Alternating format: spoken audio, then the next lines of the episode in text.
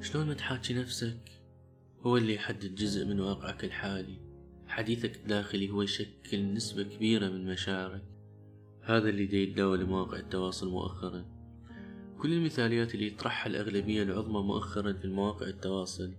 خلت أكو فد عجز كبير أمام اللي يريد تغيير لكن عاجز ويملك تسويف كبير أيضا. كون أنه اللي دي يشوفه ويقراه مثالي واللي سمعه مثالي وما يقدر يطبقه. هواية أوامر وهواية نصائح والكثير من اللا تفعل واللا تفكر. أحب أقول للأغلب كل اللي دي يشوفه هو أمور تسويقية لغرض الربح من أصحاب الصفحات. حتى تشغل بالك فأما تروح تبحث عن هالجزء اللي انتشر وتروح تعالجه بنفسك على الرغم احتمال هو طبيعي بيك أو طبيعة أي إنسان أو تشتري الدورة الفلانية من الشخص اللي يدعو للتغيير. وهنا لازم نفهم نقطة مهمة حتى ما نكون ضحية تقفيص وضحك على العالم. التغيير ما يجي بيوم وليلة مو سهل ولا صعب بس يحتاج لجهد. فكل شخص يقول لك إنه كذا يوم وكذا شهر أو كذا أيام فهذا على الأغلب كذاب. والالتزام هو المطلوب كأنما تخلي فدنية إنه شنو غايتي من هذا التغيير. لنفسي أم لغيري؟ أم لحتى أرضي شخص ما؟ أم حتى أبهر شخص ما؟ فدائما اختار نفسك بين كل هالخيارات كل مرة تكون أكو خيارات ثانية ما إلها داعي أبدا.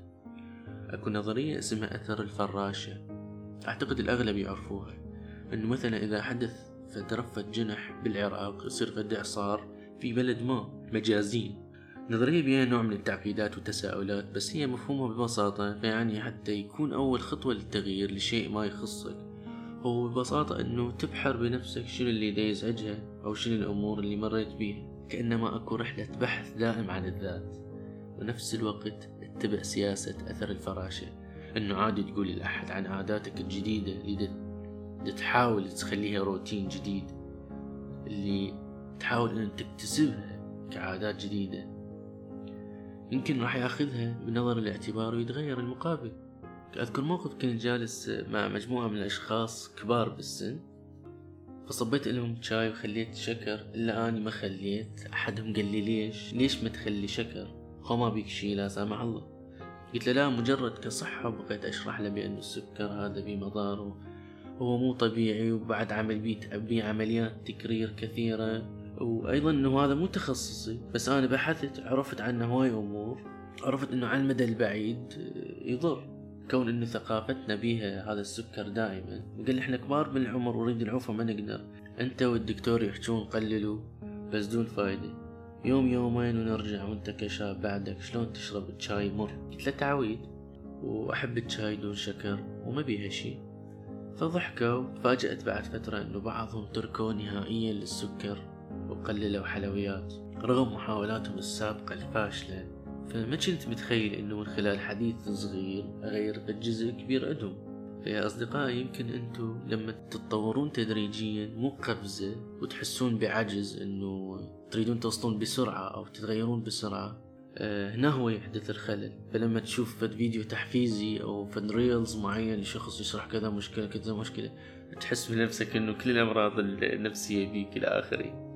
فلما تريد تغيير أو شعور جيد تجاه نفسك مثل ما يقول أمبرتو إيكو صاحب رجل المكتبة المعروف يملك أكبر مكتبة بالعالم واللي دائما أحسد عليه حقيقة. إنه الشباب قال قال إنه الشباب والفتيات مندفعين بنفس الوقت مستعجلين. وجاب على الكتابة قال مجرد ما يكتب لك كم صفحة يريد بس ينشر كتابة حتى تعرف الناس إنه هو يكتب حتى الناس تعرفه أكثر. فيعطي نصيحة يقول كل شيء خطوة خطوة step by step أي شيء تريد تسويه كهدف لازم تمر بمراحل وخطوات بدون مقارنات من اللي وصلوا أعلى بدون مقارنات من اللي وصلوا قبلك كتسلسل مو تقفز للنتيجة. فقال إنه الخطوات هي الأهم من النتيجة. الخطوات اللي هي تقابل السعي اللي هي النتيجة بعدين تجي بعدها. فالتفكير الدائم بالنتيجة ما راح يقدم ولا يأخر. هذا فقط كمثال نقدر نطبقه على أي شيء بحياتنا.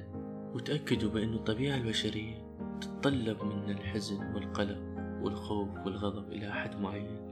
لا إفراط ولا تفريط. كل الأشياء اللي تشوفونها إلا ما هي إلا أمور مثالية. جمعوها فد أشخاص من أشخاص على مر التاريخ. ويريدونها تكون بشخص واحد حتى تكون ناجح أو متغير أو في حالة إبداع. وبهالحالة كل ما حاول الشخص يكون مثالي مثل الأمور اللي طرحوها راح يكون أقرب إلى أن يفقد رغبته بالحياة كون أنه يحس عاجز أمامها أو فاشل أمامها وتبعده عن فطرته أيضا. فحاولوا تقللوا من مشاهداتها لأن الخوارزمية هذه أحسها مثل الشخص المجرم. خوارزمية مواقع التواصل هي خطرة على الشخص. أي شي تركز عليه يزيد عليك مقاطع مشابهة له والشي ملاحظينه يمكن. مثل ما تشوفون عبارة عن كلمات بها أوامر وكل ريلز يحكي شكل. ممكن المقطع الأول ينفي خطوات المقطع الثاني فهنا العقل أو الدماغ يضرب عنده إيرور.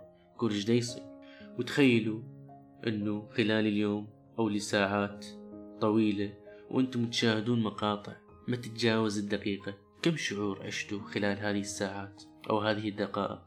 السؤال هل هالشي هو طبيعي أم لا؟ أنه تحس أكثر من شعور بدقائق معدودة.